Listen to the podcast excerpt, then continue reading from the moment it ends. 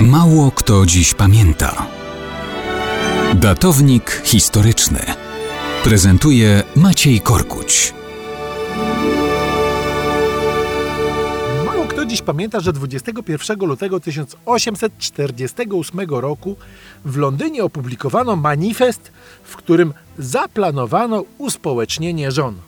Nie, nie, nie, nie chodziło o to, aby rozbudować u kobiet zaangażowanie społeczne. Wręcz przeciwnie, chodziło o to, żeby znieść małżeństwo i spowodować, aby kobiety stały się wspólne, podobnie jak wszystko inne, ponieważ własność również miała być zniesiona. To manifest komunistyczny Fryderyka Engelsa i Karola Marksa. Tekst rzadko czytany w całości. Nie dziwne, bo trudno to uznać za porywającą lekturę.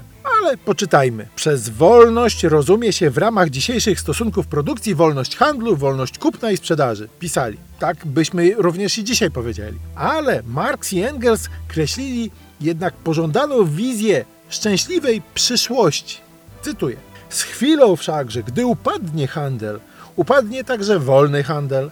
Gadanina o wolnym handlu, podobnie jak wszystkie inne tyrady wolnościowe naszej burżuazji, ma w ogóle jakiś sens tylko w stosunku do handlu skrępowanego, lecz nie w stosunku do komunistycznego zniesienia handlu, zniesienia burżuazyjnych stosunków produkcji i samej burżuazji. Przeraża was to, że chcemy znieść własność prywatną. Zarzucacie nam, że chcemy znieść waszą własność. Tego istotnie chcemy, pisali. Zajęli się też rodziną. Pisali niby ironicznie. Zniesienie rodziny. Nawet najskrajniejsi radykałowie oburzają się na ten haniebny zamiar komunistów. Ale zaraz tłumaczyli, że rodzina opiera się na kapitale i istnieje rzekomo tylko dla burżuazji. Więc ze zlikwidowaniem kapitału zniknie i rodzina, pisali.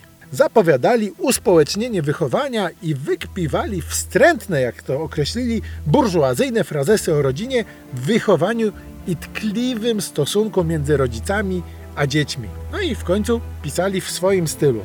Ale wy, komuniści, chcecie wprowadzić wspólność żon. Wrzeszczy chórem cała burżuazja. Po tej niby ironii tłumaczą, że w burżuazyjnym świecie zarówno żona, jak i kobieta w ogóle jest zwykłym narzędziem produkcji. I wtedy Marx z Engelsem zarzucali owym burżua dwulicowość i dodawali już zupełnie poważnie. Komunistom można by zarzucić co najwyżej, że w miejsce obłudnie zamaskowanej wspólności żon chcieliby wprowadzić oficjalną, otwartą.